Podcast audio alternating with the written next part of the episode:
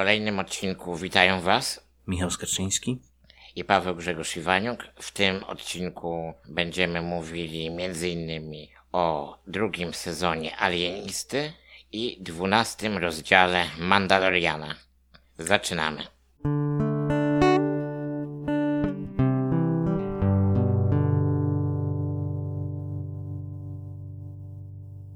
Ja dzisiejszy kolejny odcinek chciałbym zacząć tematem zakończenia po 15 sezonach serialu Supernatural. Wiem, że są ludzie, którzy odpadli e, w międzyczasie. Wiele lat temu. Wiele lat temu, dokładnie. Ja utrzymałem się przy tym serialu. Tak jak y, zdarza, zdarza mi się też jednak y, z niektórych seriali zrezygnować, tak Supernatural urzekł mnie tym, że o ile główna konstrukcja każdego sezonu była dość zbliżona, zmieniały się postacie, zmieniały się nowe, e, wielkie, e, potężne istoty, z którymi musieli walczyć bracia Winchesterzy. Natomiast e, to jest serial, który jego paradoks polegał na tym, że urzekał filerami. Czyli jak było tych tam powiedzmy 15 czy 20 odcinków w sezonie, no to by, było kilka, y, powiedzmy, tych, które rozwijały główny wątek fabularny, natomiast mm, było też bardzo dużo takich odcinków, gdzie dwóch, y, y, gdzie dwaj bracia po prostu w momencie, kiedy i tak czekali na rozwój sytuacji gdzieś tam e, z tym swoim głównym wątkiem, bo nic nie mogli zrobić na chwilę obecną, więc zabijali czas po prostu polowaniem na wampiry, wilkołaki czy różne inne ciekawe stwory. I te odcinki, te, y, które były po prostu takimi typowymi, typowymi zapychaczami, miały y, w sobie bardzo dużo fajnych pomysłów, często z ogromnym dystansem. Na przykład y, był odcinek, w którym e, Sam i Dean trafili do e, kreskówki ze Scooby-Doo, czyli był cały odcinek praktycznie jedną wielką animacją i Sam i Dean e, razem ze Scooby-Doo polowali na duchy. tego e, miało też, e, było też parę odcinków, gdzie podchodzili do tematu samego serialu Supernatural z wielkim dystansem. Mianowicie w jednym z odcinków, który jest bardzo, do, bardzo ciepło oceniany, sam i Dean lądują w alternatywnym, równoległym świecie, gdzie e, tak naprawdę Supernatural jest serialem granym przez Padalekiego i e, Jensena e, Ackles, nie, nie pamiętam jak się wymawia jego nazwisko. W każdym razie e, wcielili się w siebie na co dzień, a nie w postaci Supernatural, tylko w siebie na co dzień, którzy grają w postaci Supernatural. Okej, okay, a myślisz, że po 15 sezonach i po tylu latach, ilu ten serial był realizowany, to czy dzisiaj poleciłbyś komuś rozpoczęcie tej podróży od początku? Wiesz co, mm, ja bym na pewno drugi raz się nie podjął, bo to jednak jest, jest tego trochę i wiem, że ta ilość sezonów może być po prostu zniechęcająca. Mm. Dla mnie na przykład. Tak, tak, to jest zupełnie zrozumiałe, więc y, wcale bym jakoś gorąco nie namawiał. Zresztą to nie jest serial nie wiadomo jak wysokich lotów. Nie, nie ma co się spodziewać po tym kosmicznych efektów, ale było y, paru fajnych aktorów, którzy świetnie odegrali swoje postacie na pewnym etapie, gdzieś tam po dziesiątym sezonie, mam wrażenie, że też mocno został przycięty budżet. No, ale to jest serial, który po prostu. Jeden z tych seriali, co do których wiesz, czego się spodziewać, wiesz, jaką to ma formę. Tak naprawdę, no, masz wałkowane wszystko w kółko to samo, ale jest to robione w takim fajnym, przyjemnym stylu, że. Yy, można mu to wybaczyć, a z drugiej strony czasami po prostu jest nastrój, żeby obejrzeć coś takiego lekkiego, coś niewymagającego, mm, co do którego no, nie, nie spodziewasz się wielkich e, niespodzianek. Więc...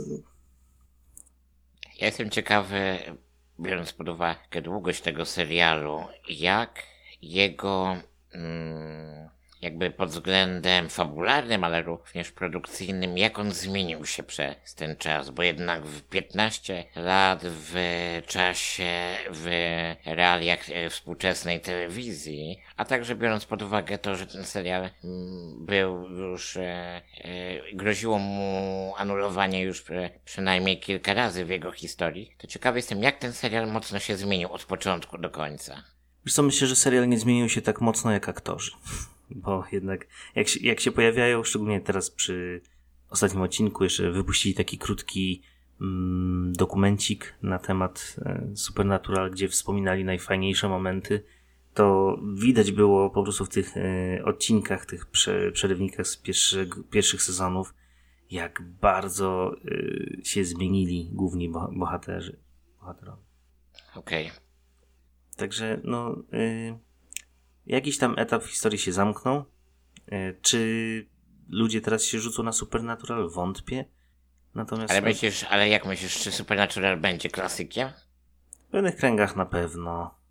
Mam znajomych, którzy oglądali ten serial namiętnie, ale no nie, nie, nie spodziewam się go na jakichś nie wiadomo wysokich miejscach. Wiesz, to jest fascynujące, jak tak sobie pomyślę teraz o, o no. długości tego serialu. Mówię ciągle o długości, bo do fabuły niewiele mogę e, się odnieść, ale y, są ludzie wśród nas, którzy rozpoczęli oglądanie tego serialu mając lat 15, a kończąc mają lat 30. Nie wiem, o kim mówisz. Ja nie zacząłem mając lat 15, ja zacząłem jak już tam tych parę sezonów było, ale jednak zostałem. Natomiast uważam, że jest to ciekawe zjawisko. Pod względem długości to, że mm, publiczność tego serialu miała okazję zmienić się chyba tak mocno jak e, aktorzy grający w tym serialu. To fakt, na pewno. Też mm, nie wiem, czy wielu fanów przybywało w międzyczasie. Ja y, uważam się za kogoś, kto jednak jest do, dość wytrwały, jak już naprawdę musi mnie coś mocno zrazić, żebym zrezygnował z serialu czy z książki. E, ale no, jestem ciekaw, ile, ile ludzi, jaki procent tak naprawdę odpadł po drodze. Ty, tym chciałbym zakończyć e, wątek Supernatural. To porozmawiajmy w takim razie o jednym z głównych tematów dzisiejszego odcinka, czyli o drugim sezonie Alienisty. Jak rozumiem, oglądałeś. Oglądałem. Czy zaczniemy y, be, bezspoilerową recenzję? E, może przy, dla tych z naszych słuchaczy, którzy szukają jakiejś ciekawej pozycji na końcówkę tego roku, to może przytoczmy na początek bardzo krótko e, ogólny zarys fabuły tego serialu. Dobrze. Alienista, czyli główny bohater, e, tytułowy bohater serialu, jest y, psychologiem, który w okresie, w okresie wieku pozłacanego Stanów Zjednoczonych czyli w... E, Końca XIX wieku. Końcówka XIX wieku, dokładnie. Mm, zajmuje się wsparciem w rozwiązywaniu przestępstw, ponieważ fascynuje go psychologia morderców. I w tej roli doskonały Daniel Brühl. Znany m.in. z Civil War. Jako Baron Zemo. I bardzo dobrze zagrał tą rolę. Bardzo mi się podobało.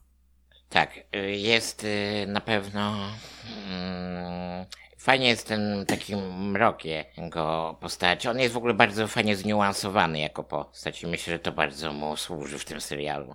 Znaczy, szczerze mówiąc, moje podstawowe e, odczucie wobec jego postaci, i to też jest bardzo mocno pokazywane w jego interakcjach z innymi postaciami, jest to, że jest e, bardzo nierozumiany. W sensie, z jednej strony on jest nierozumiany, z drugiej strony, będąc tak zaawansowany w wiedzy o ludzkim mózgu, i jego mechanizmach, bardzo często jest totalnie zaskoczony reakcjami y, swoich rozmówców. I y, coś, co dla niego jako y, socjopaty, bo myślę, że można go śmiało zakwalifikować, jest. Ale funkcjonalny socjopata, oczywiście. Funkcjonalny socjopata, dokładnie. To jest bardzo ciekawe człowiek, który tak zgłębił tajniki ludzkiego umysłu, że codzienne niuanse stają się dla niego czymś yy, obcym.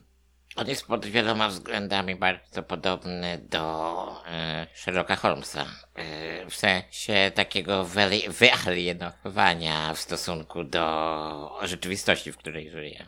Do Sherlocka Holmesa, do doktora House'a, który zresztą też był częściowo Też wzorowany na Sherlocku tak. Holmesie. Tak, tak. I do innych podobnych e, postaci. Zresztą, tak jak e, myślę, że nie jest to niczym odkrywczym, jeśli powiemy, że Sherlock Holmes e, stanowi źródło niewyczerpanej inspiracji w budowaniu współczesnych, niefunkcjonalnych postaci. Wiesz co, to jest o, ty, o tyle fajna mm, koncepcja postaci, że przy niesamowitych umiejętnościach, przy talencie, jaki posiada, jednocześnie jest druga strona medalu, czyli fakt, że jest o tyle wyżej nad przeciętnym zjadaczem chleba, jednocześnie czyni go zdystansowanym społecznie, bo po prostu trudniej mu znaleźć rozmówcę, który będzie dla niego wystarczająco, mm, jakby to powiedzieć, stymulujący. Tak, tak, to prawda. Mm, mm, Alienista, tak jak wspomnieliśmy, dzieje się pod koniec XIX wieku. To jest pierwszy sezon, to jest rok 1895, drugi 97. Ja ze swojej strony chcę powiedzieć, że jest genialnie wykreowany w tym serialu klimat e, właśnie tego końca XIX wieku, przełomu stuleci, jest doskonale pokazany klimat Nowego Jorku tamtego okresu. Tak, zdecydowanie, jeżeli chodzi o klimat serialu, o kostiumy i całą otoczkę, zasługuje na bardzo wysokie noty. A kojarzysz taki serial? Nie wiem, czy my kiedyś o nim rozmawialiśmy. Ten serial nosi tytuł Denik. To taki medyczny serial, który również rozgrywa się na przełomie XIX i XX wieku. Głównym bohaterem tego serialu, znaczy głównym bohaterem, aktorem grającym główno, głównego bohatera był Clive Owen. To jest serial sprzed kilku lat. Nie kojarzę tego serialu. To jest serial w Polsce emitowany i dostępny na HBO Go. Polecam, tak na marginesie. Jeśli ktoś interesuje się trochę klimatami i historycznymi, i medycznymi, to jest świetny serial. Natomiast on, jeśli gdybyś zaczął oglądać Denning, to będziesz miał bezpośrednie skojarzenia z Alienistą, tak jak ja miałem skojarzenia z Denning oglądając Alienistę. Okej. Jest to jakaś zachęta? A taka ciekawostka, wiesz gdzie został e, nakręcony Alienista? Ym, Wydaje mi się, że w Budapeszcie? Tak, ja pier- pierwotnie, nawet jak oglądałem pierwszy sezon, to nie w ogóle nie sądziłem, że to jest kręcone gdzieś poza Stanami Zjednoczonymi. Myślałem, że może gdzieś w Nowym Jorku jeszcze jakaś stara uliczka jest i tam po prostu zostały przygotowane, e, przygotowane mm, na potrzeby realizacji tego serialu e, plany filmowe, ale nie, ten serial jest, został nakręcony w Budapeszcie, gdzie została, gdzie zostało wybudowanych kilka ulic na potrzeby tego serialu, specjalnie e, w, no, no, naśladujących budynki z końca XIX-wiecznego Nowego Jorku. Mm, Ciekawe, co się teraz stanie z tym planem filmowym. A jednak archaiczne, archaiczna sceneria jest dużo łatwiejsza do znalezienia w Europie niż w Stanach. To prawda, no tym bardziej, że Nowy Jork się mocno zmienił od tego czasu. Dość mocno. Okej, jak, tak jak wspomnieliśmy, mm, serial jest serialem kryminalnym. Jest to w dodatku, można powiedzieć, kryminał historyczny. Michał wspomniał o e, głównym bohaterze, czyli o Laszlo Kreislerze. Myślę, że nie jest to wspomniane w serialu, ale myślę, że on ma pochodzenie e, węgierskie. Więc tutaj też, też, też ten fakt, też ten fakt, że on jest nakręcony, że serial jest nakręcony w Budapeszcie też e, łączy się ze sobą. Na pewno jest to jakiś taki współgrający element. E, Poza Laszlo e, jest też wśród głównych bohaterów mamy jeszcze dwie postacie. Jest John Schuler-Moore, czyli e, dziennikarz, który wspiera Laszlo w jego pracach. m, Wspierał wcześniej jako rysownik i ogólnie pomaga mu w rozwiązywaniu zagadek. W tej roli Luke Evans, znany sprzed kilku lat z fatalnego Drakuli, Ach, to ten. Nie poznałem powiedzieć. to on. Okej, dobrze wiedzieć. Y, No i mamy też panią Sarę Howard, która y, grana przez Dakotę Fanning jest pierwszą kobietą pracującą w nowojorskiej policji. E, I tutaj zatrzymałbym się chwilkę dłużej nad tą postacią, Tak. ponieważ po raz kolejny, oglądając y, ten serial, po raz kolejny naszła mnie refleksja, że na te produkcje kostiumowe, historyczne stają się z czasem dużo bardziej realistycznie. Mam dużo bardziej realistyczne. Mam wrażenie, że te 20 lat temu nie było aż tak y, pokazywane te wszystkie problemy, z którymi musiały się na przykład borykać kobiety w tamtych czasach. Tak, pod tym względem to jest na pewno i w ogóle też, e, tak jak wspomnieliśmy wcześniej o klimacie Nowego Jorku, to też te problemy społeczne w tym serialu, w tamte, tamtego okresu są doskonale za- zarysowane. starsze filmy po prostu unikają tej tematyki i jakby zupełnie nie istniała i dopiero o, oglądawszy taką bardziej rzetelną retrospekcję mm, mam wrażenie, że zdajemy sobie sprawę z tego, jak niedaleko udało nam się zajść. Ale to zatrzymajmy się na chwilę w, w tym momencie, bo to jest świetna uwaga. Nie wiem, czy mówiłem ci, ale słyszałem kilka lat temu, to chyba Mel Brooks powiedział, taki amerykański reżyser, że do momentu, do kiedy, do momentu, w którym na ekrany kin wszedł Django Quentina Tarantino, takie sprawy jak rasizm były w kinie amerykańskim ro- romantyzowane, a nie pokazywane tak, jak nimi były naprawdę. Naprawdę? My, znaczy, o, o ile lubię i szanuję Mela Brooksa, to czy Django zapoczątkował to wszystko? Nie sądzę. Mi się wydaje, że zaczęło się to już wcześniej. No, na, na pewno jest to proces, na pewno to trwa i y, dopiero stopniowo jest pokazywane mm, coraz tak bardziej wyraźnie. Y, Innym przykładem takiej y, wiarygodności historycznej był dla mnie serial Peaky Blinders, chociaż obejrzałem tylko pierwszy sezon. Y, Należy do tej nielicznej grupy, która się po tym pierwszym sezonie zniechęciła. Ale podobno później jest tylko lepiej. Ja też nie oglądałem tak na marginesie. Ja też słyszałem, że później jest tylko lepiej, ale po prostu finał pierwszego sezonu był dla mnie jednym wielkim rozczarowaniem. Bardzo dużo podbudowanie, które zakończyło się takim. Wracając do alienisty, myślę, że możemy y, dać czerwony alert o spoilerach i przejść do analizowania fabuły. Jasne, słusznie. Y, Jeżeli i skupimy się w tym momencie na drugim sezonie, myślę, że nie będziemy robić y, powtórzenia z pierwszego, bo Tak, to jakby tutaj recenzję robimy dla tych, którzy oglądali serial, natomiast tym, którzy nie oglądali, y, prosimy, żeby zajrzeli do opisu tego odcinka. Będą mogli sprawdzić, gdzie należy przeskoczyć, żeby ominąć spoilery. No i zachęcamy do obejrzenia tego serialu, tych, którzy go nie oglądali. To zacznijmy może Froście od ogólnej oceny. Jak ci się podobał drugi sezon w stosunku do pierwszego? Yy, wiesz co, rozmawialiśmy przed ym, nagraniem tego odcinka. Powiedziałem ci... Nie, nie e, rozmawialiśmy. rozmawialiśmy. Nie, nie ale rozmawialiśmy. ale y, chodzi, chodzi mi o to, bo chcę się odnieść do drugiego sezonu, ale z krótkim komentarzem do pierwszego sezonu. Pierwszy sezon jest bardzo dobry, natomiast y, tak jak ci mówiłem, ma według mnie mm, niedopracowany finał. Natomiast drugi sezon jest o dwa odcinki krótszy, jest to oś- ośmiodcinkowy sezon i mam wrażenie, że i poziom, i te twisty, i też finał sezonu udało się utrzymać na tym samym poziomie przez cały przebieg tego sezonu. Tak, zgodzę się. Mi drugi sezon podobał się znacznie bardziej. Bo pierwszy, o ile był przyjemny, może to nie jest najlepsze słowo, ale y, o ile był przyjemny, to fabularnie wyczuwałem tam pewne luki. Y, Natomiast drugi sezon mam wrażenie, że był dużo bardziej spójny, dużo fajniej było to wszystko zaplanowane, a to jest coś, co zawsze bardzo sobie cenię.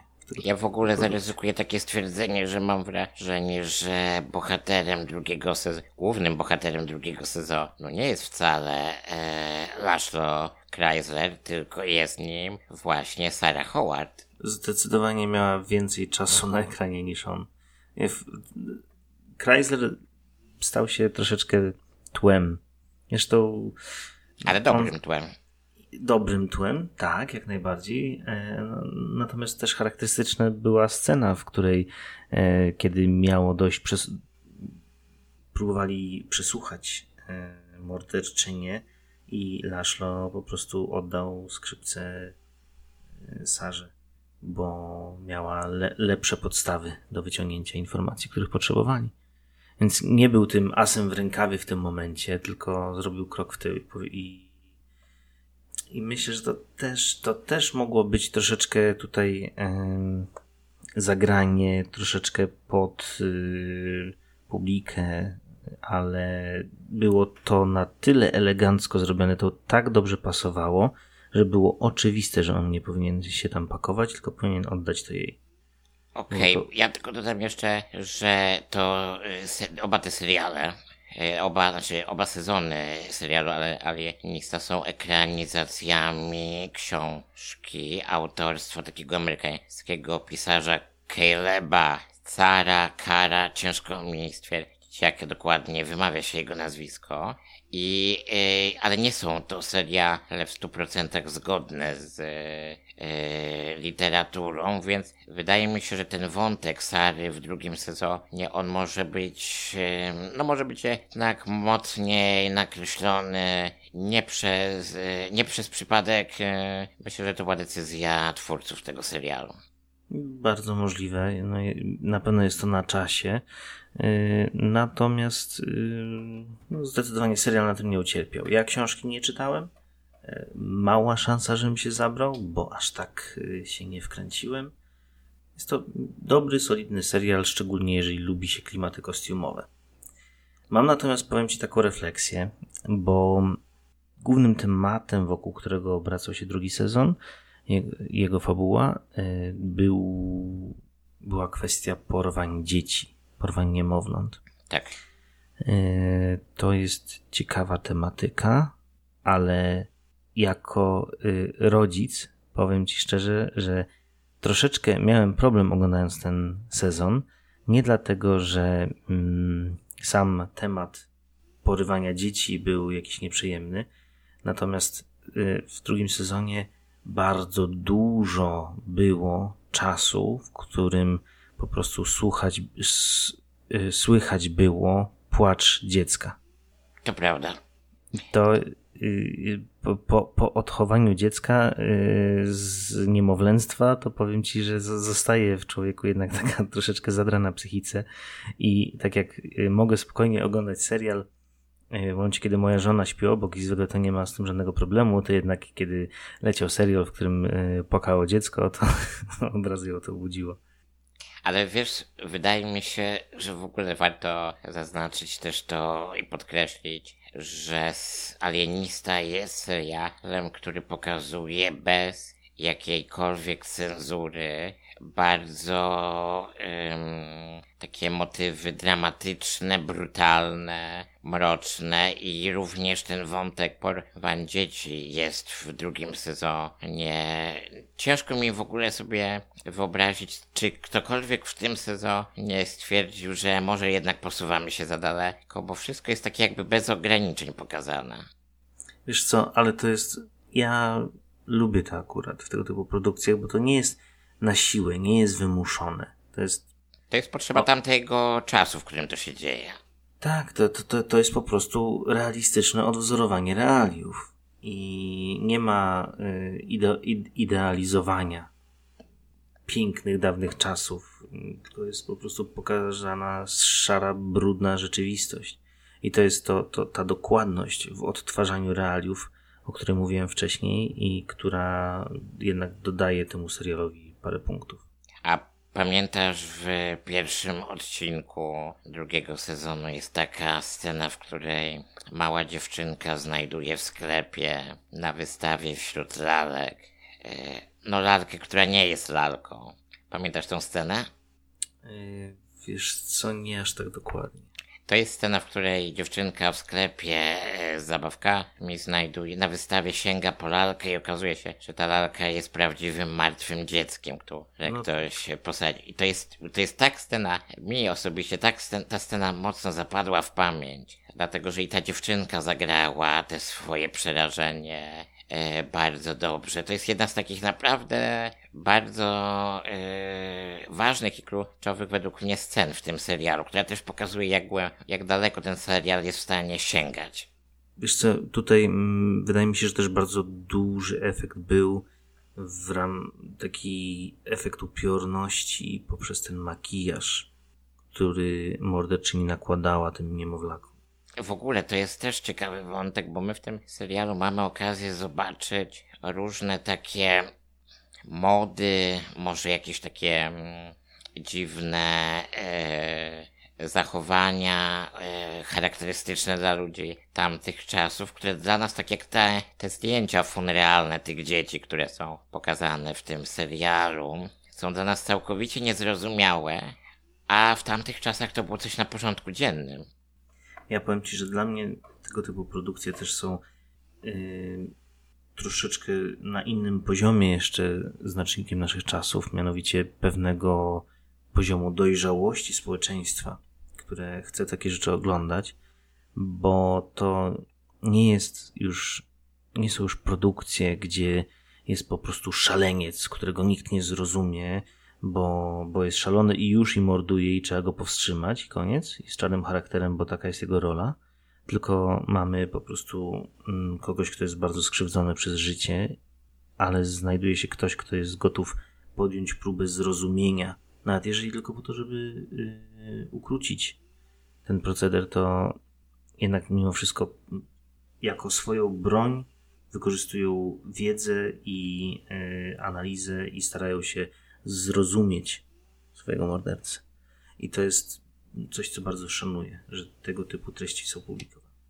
A zgodzisz się z takim, e, taką moją refleksją na temat drugiego sezonu, że on wbrew pozorom i pod względem fabularnym nie jest jakiś szczególnie rozbudowany, natomiast nadrabia według mnie bardzo mocno e, tym, w jaki sposób są przedstawione postaci w tym serialu i jak są dobrze mm, e, nakreślone. Też pod też w przypadku Sary e, w tym sezonie.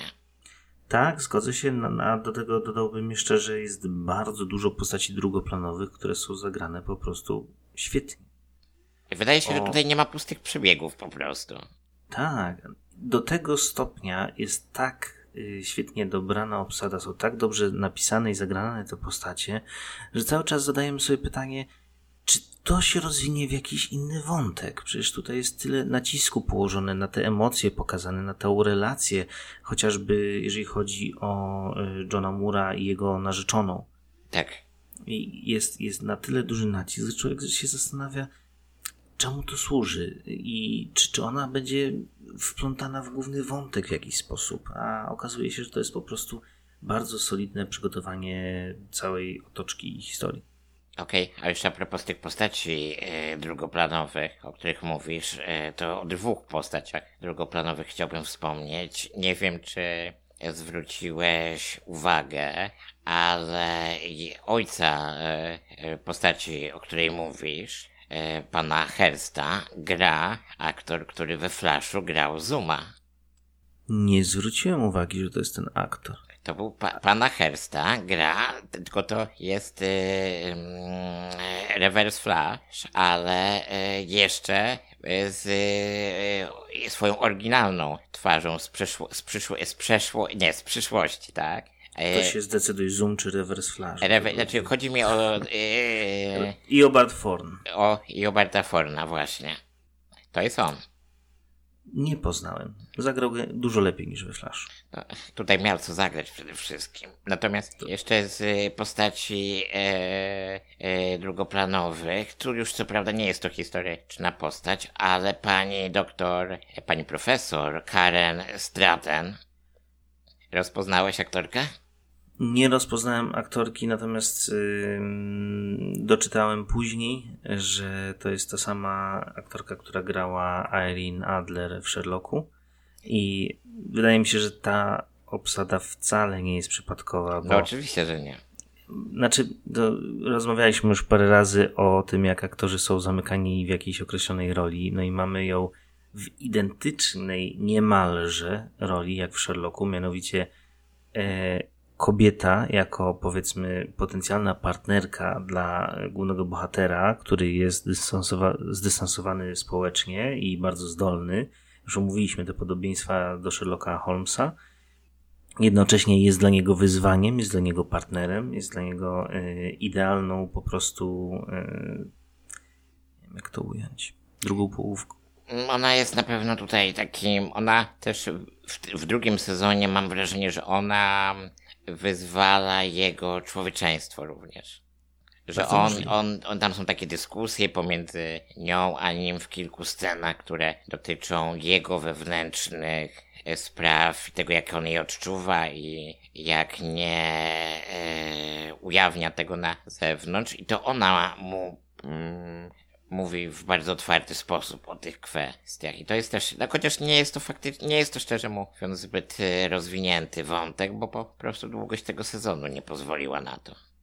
Prawdę mówiąc, ja się trochę męczyłem oglądając ich wspólne sceny, bo o ile ona zagrała świetnie, to e, postać Chryslera po prostu mm, tak się wił, tak się męczył w tej relacji, taki miał z tym problem, że aż, aż, aż mnie to męczyło. Ale to wiesz, to wynika z tego, że zmieniła się, on się czuł niekomfortowo w sytuacji, w której z yy, lekarza stał się pacjentem. Bardzo możliwe, tak. No, to nie zmienia faktu, że, że, że no jednak y, Sherlock poradził sobie lepiej z tym tematem. Okej. Okay. Co chcemy coś jeszcze dodać do Alienisty, bo wydaje mi się, że nie będziemy rozdrabniali tego sezonu na e, pojedyncze elementy, ale tak. co, zostanie z tobą po tym serialu? Wiesz co, y, jak dla mnie ten serial y, zarobił dużo punktów w tym, że tak jak wspomniałeś, fabuła była skonstruowana w taki sposób, że już się wydawało, że już jesteśmy powiedzmy na końcu. Dosyć szybko został ujawniony czarny charakter tak. E, I to było świetne zagranie, bo później po prostu mm, mogła pokazywać swoje kolejne twarze, mogła, e, można było tak naprawdę dokopać się do tych, e, do tego źródła jej choroby psychicznej i zostało to rozpatrzone pod każdym możliwym punktem widzenia i jestem bardzo zadowolony z tego, jak ta historia została napisana.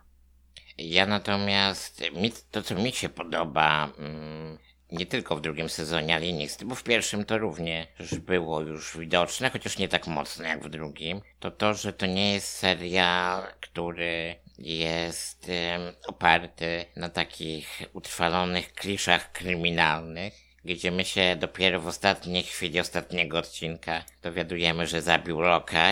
To jest, tutaj jest zupełnie inaczej. Tutaj ten przebieg e, tego śledztwa jest dużo bardziej realistyczny i dużo bardziej e, realistycznie komplikuje się w trakcie tego śledztwa i to jest dla mnie duży plus tego serialu.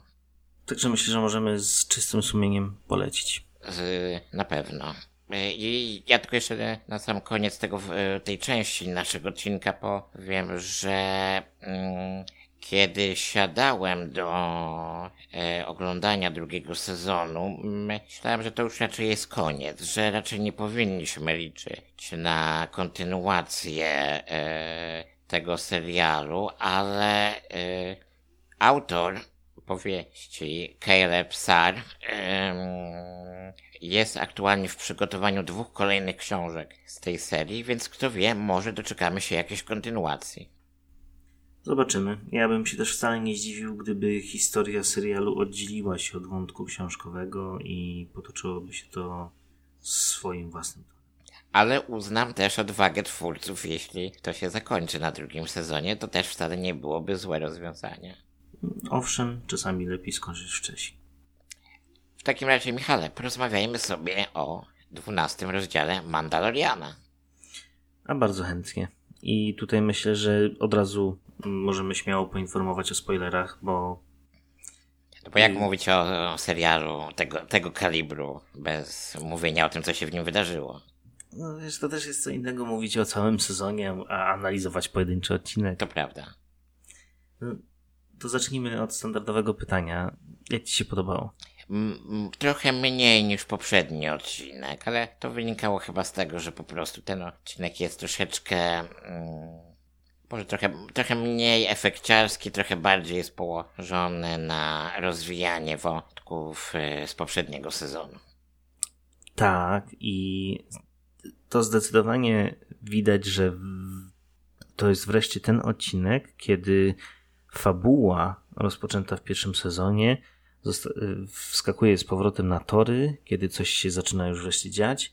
Troszeczkę jak dla mnie zapychacz, pierwszy w tym sezonie, ale no, do przeżycia. No, to wciąż jest świetny serial, to wciąż jest y, bardzo dobry sezon i y, jak dla mnie mógł być gorszy ten odcinek, więc nie, nie będę narzekał jakoś szczególnie.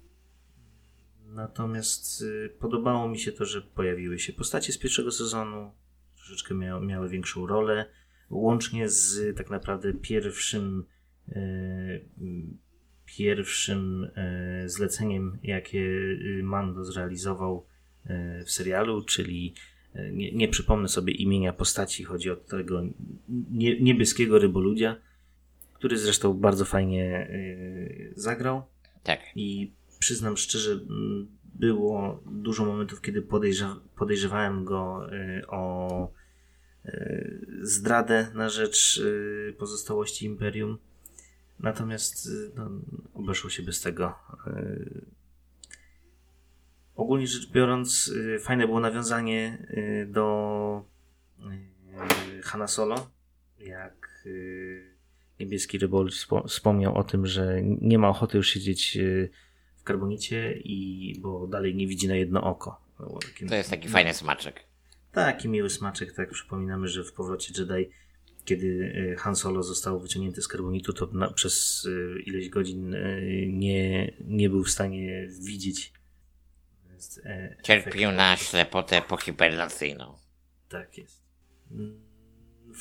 Fajnym, fajnie się zmieniło, e, zmieniła ta miejscowość, e, do której przybył e, Mando, nie pamiętam jak się nazywała. No na planecie Navarro w każdym razie. Tak jest i widać było, że bardziej tętni życiem. Tam w tle można było zobaczyć posąg robota, tego IG-11, który tak. pomógł im zwalczyć Imperium. Który wysadził się w finale pierwszego sezonu. Bardzo do, dobrym finale zresztą. I widać różnicę. I różnicą też jest szkoła, która powstała, e, gdzie dzieci się uczą e, i gdzie na chwilę do szkoły trafia też Baby Yoda, który wykorzystał okazję, żeby korzystając e, ze swoich specjalnych mocy ukraść ciasteczko innemu dziecku, więc krok na ciemną stronę ewidentnie.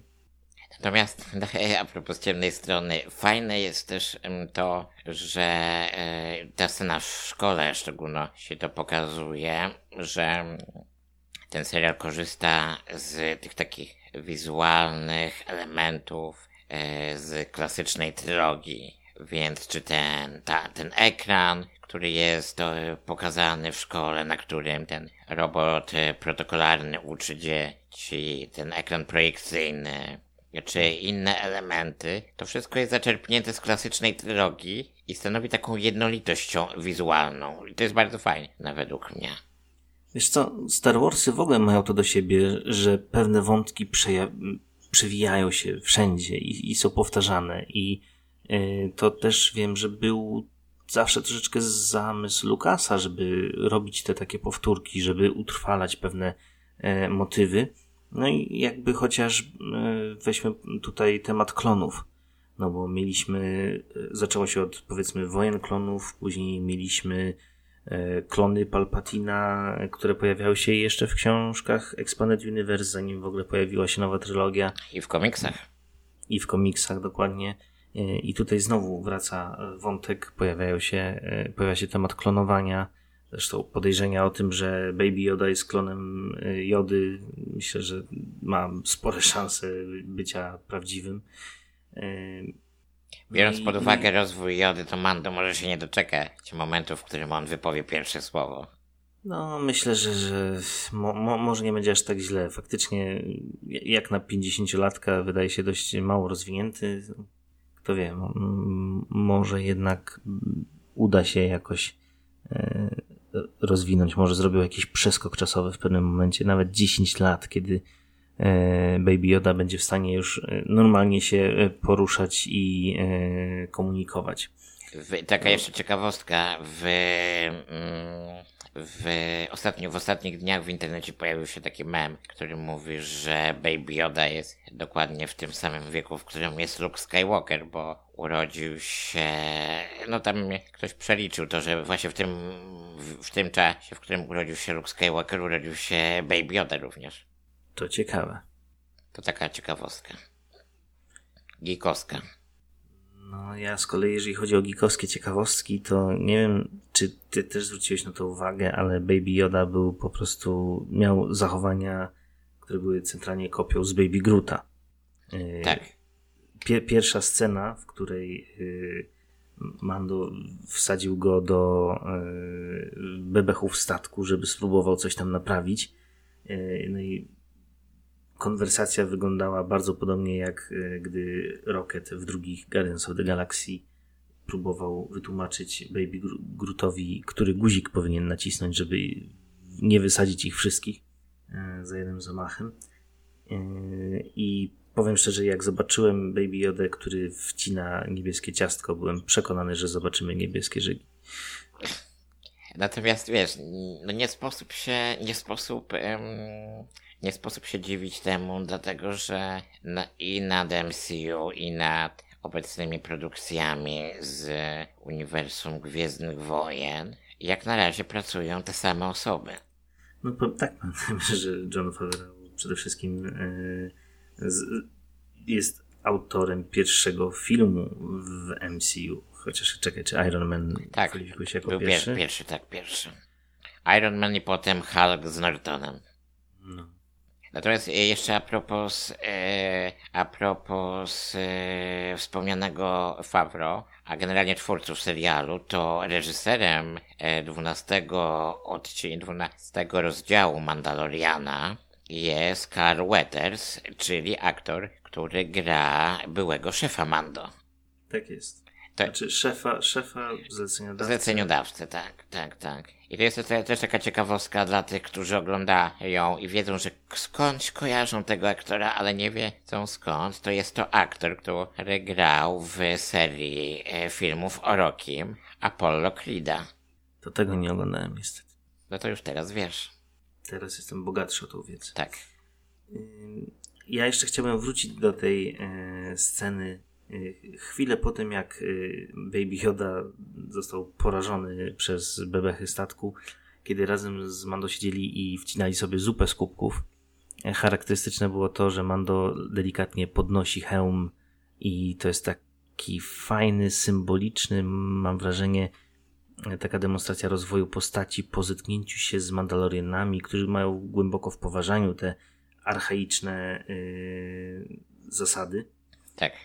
I y, zresztą tutaj też chyba warto wspomnieć, że sprawdziło się jedno z naszych przewidywań, mianowicie, że w tym odcinku nie uświadczymy Asokitano. No, to było twoje przewidywanie przede wszystkim. No, nie, nie chciałem sobie przypisywać y, tutaj zasług. Natomiast wydaje mi się, że też była to taka forma odświeżenia troszeczkę tematu, czyli że wracamy do tematu uganiania się ze szturmowcami po korytarzach, bardzo charakterystycznych dla, dla imperialnych y, budowli i statków. Więc yy, cały odcinek był, jak dla mnie, poświęcony na to, żeby yy, przygotować widza na powrót do głównego wątku. I to jest fajne, bo mieliśmy rozgrzewkę, mieliśmy parę fajnych sytuacji, wejście w klimat Gwiezdnych Wojen ogólnie, a teraz wracamy na e, główny tor fabularny i niech się dzieje. A zapowiada się na to, że może się dziać naprawdę sporo, bo mm, szczególnie ostatnia scena sugeruje, ta, w której e, Moff Gideon stoi na tle e, jakichś tam e, czarnych postaci, które czekają na uwolnienie e, w przyszłości. Tak. I mam wrażenie, że tutaj mamy po raz kolejny do czynienia z pewną inspiracją z gier. Nie pierwszy to byłby raz zresztą. Nie pierwszy, bo myślę, że ca cała ta y, sekretna y, grupa Mandalorian y, była też inspirowana częściowo Knights of the Old Republic. Natomiast tutaj y, ja mam swój typ. Y, wyczytałem w internecie, że niektórzy podejrzewają, że to mogą być Dark Trooperzy, czyli y, roboty, z którymi zetknął się gracz, czytaj Nighta. Ja się nie pamiętam dokładnie, która to była część. To była akurat ta, w którą nie grałem. Możliwe, że to było w Mystery, Mysteries of the Seed, ale też nie jestem na 100% pewien. Możliwe. W każdym razie wyczytałem, że to mm, podobnie wygląda i Dark Trooperzy, czyli bardzo zaawansowane droidy bojowe. Ale ja nie sądzę, żeby to było to. Uważam, że bardzo, dużo bliżej jest nam tutaj do Shadow Trooperów, którzy pojawili się w Jedi Outcast. E, Jedi Outcast głównym bohaterem był Kyle Katarn, w ogóle bardzo fajna postać, jeżeli chodzi o uniwersum Gwiezdnych Wojen z Expanded Universe. Mm, dobry kumpel Luka Skywalkera na ogół. E, Kyle Katarn zetknął się z Shadow Trooperami, którzy byli e, po prostu ludźmi, którzy zostali nasączeni mocą. I tutaj e, to, że idziemy w tym kierunku, sugeruje wiadomość, którą Mando odsłuchał, która była przeznaczona dla Mofa Gideona, w którym jest mowa o liczbie M, czyli możemy myślę śmiało założyć, że chodzi tutaj o, o midichloriany i fakt, że wykorzystywali Baby Yoda do produkcji tych yy, Shadow Trooperów, żeby po prostu poprzez transfuzję krwi przekazywać yy, midichloriany i czynić ludzi, którzy normalnie tego nie mają, yy, bardziej wrażliwymi na moc. Zatrzymajmy się tu na chwilę. Ja bym chciał postawić takie pytanie, na które raczej znam odpowiedź, ale uważam, że ono powinno paść w tym e, programie. Dlaczego fani Gwiezdnych Wojen tak nienawidzą midichlorianów? Wiesz co, myślę, że fani Gwiezdnych Wojen nienawidzą midichlorianów, bo kiedy wyszło Mroczne Widmo, to fani starych Gwiezdnych Wojen byli wybitnie rozczarowani i wszystko, co e, zostało im zaprezentowane, po prostu przyjęli z dużym obrzydzeniem. E, nie podoba mi się to, bo uważam, że e, trylogia 1.3 wniosła bardzo dużo do rozwoju tego uniwersum i taki był też cel Lucasa i niepo, niepotrzebnie nawet zrezygnował moim zdaniem z pomysłu, żeby Jar Jar Binks był e, Sitem. Uważam, że to byłoby dużo lepsze kontynuowanie tej postaci. Natomiast wracając jeszcze do, do wątku Baby Jody i sztucznie przeszczepiania midochlorianów ludziom, czytałem gdzieś plotki, że Moff Gideon ma być w ogóle force sensitive'em i bardzo możliwe, że to jest też właśnie sposób. On zresztą on... tak się nosi troszeczkę jako taki trochę aspirujący Sith może, więc coś w tym może być aspirujący Sith, ale właśnie nie Sith, tylko dużo bardziej wojskowy. Jest, jest wojskowym, który po prostu do, mógłby się dopakowywać tymi e, midichlorianami, żeby być, żeby lepiej sobie radzić z tym Darksaberem. Okej. Okay. I tutaj wydaje mi się, że y, czeka nas naprawdę nie lada gratka w następnym odcinku, bo nie dość, że wiedzieliśmy o tym, że pojawia się Asoka Tano, to teraz wiemy również o tym, że Mow Gideon ma y, swoich Shadow Trooperów, jeżeli nasze podejrzenia oczywiście okazały się słuszne. E, I dodatkowo jego szpieg y, umieścił nadajnik na statku Mando, więc szykuje się chyba niezła rozwałka. Ja natomiast mam taką małą, e, takie małe przewidywanie, ale ona nie dotyczy do końca, e, nie dotyczy do końca mm, serialu Mandalorian, tylko tego, co się w ogóle w tym uniwersum może wydarzyć. Nie czytałem wszystkich książek, w ogóle nie czytałem książek, od, e, które e, były wydane w, wspólnie z ostatnią trylogią Gwiezdnych Wojen, trylogią sequeli. Więc nie wiem, czy to, o czym teraz będę mówił, jest zgodne y, z jakimiś liniami, ale ten klon, którego zobaczyliśmy w bazie y, imperialnej na Navarro, którą szturmował Mando ze swoimi przyjaciółmi, wiemy, znaczy z kształtu tego, co widzimy za szybą, przypomina trochę Snowka. Nie wiemy, co Tak. prawda, na 100%, bo ja powiem ci szczerze, że ja w jednym z tych okienek zobaczyłem nie Snowka, kiedy oglądałem serial, tylko zobaczyłem jakiegoś przedstawiciela rasy Mun Calamari, więc tam w każdym okienku było coś troszeczkę innego. Ale do czego zmierzam? Czy przypadkiem, skoro oni próbowali klonować Snowka również, to czy Snoke nie może być przypadkiem, może klonem mistrza Palpatina, czyli Darta Plagueisa? Wiesz co, wydaje mi się, że to była jedna z oryginalnych teorii, jeżeli chodzi o Snowka po, po wyjściu y, pierwszej części nowej trylogii Przebudzenia Mocy. E, prawdę mówiąc, temat Snowka y, został tak kiepsko potraktowany, że wszelkie dywagacje na ten temat y, zostawię tobie. Rozumiem, natomiast wiesz, nie skoro nie możemy wyjść w przyszłość z tym tematem, bo on został tak mocno, że tak powiem, przecięty na pół dosłownie, to e, wydaje mi się, że jedynych odpowiedzi dotyczących tego wątku można szukać w przyszłości. Chyba tak. Okej, e, co chcemy jeszcze powiedzieć o tym odcinku? Cóż, y, nie wiem, czy chcemy mówić y, o y, różnych nieprzyjemnościach, jakie towarzyszą teraz aktorce grającej Cara Dune, czy... Nie, czy- uważam, że to są jakieś takie wewnętrzne sprawy amerykańskie, amerykańskiej kultury wykluczenia, tak bym ją nazwał. E, więc ja dzisiaj na gry online ukazał się artykuł e, zatytułowany, że fani e, serialu Mandalorian żądają usunięcia tej aktorki z serialu. No, powiem tak, ja nie żądam. Więc proszę zmienić tytuł tego artykułu, bo ja jestem fanem Mandalorianina. Hmm, Dobrze powiedziane. Więc wiesz, uważam, że jest coś, jest w Stanach Zjednoczonych, to taki mój delikatny komentarz, ale nie będę tego rozwijał mocno. W Stanach Zjednoczonych dzieje się w społeczeństwie, w tamtym społeczeństwie wiele, pojawiają, wychodzą na wierzch różne tematy, które były dotychczas zamiatane pod dywan, ale mam wrażenie, że w imię pewnej sprawiedliwości społecznej i e, e, tego, żeby walczyć z dyskryminacją, z mową nienawiści, otrzymują, e, otrzymują rykoszetem ludzie, którzy czasami po prostu powiedzą coś nieopatrznie, powiedzą coś głupiego, ale z tego powodu nie powinni od razu być e, karani na całe swoje przyszłe życie. Każda skrajność jest zła.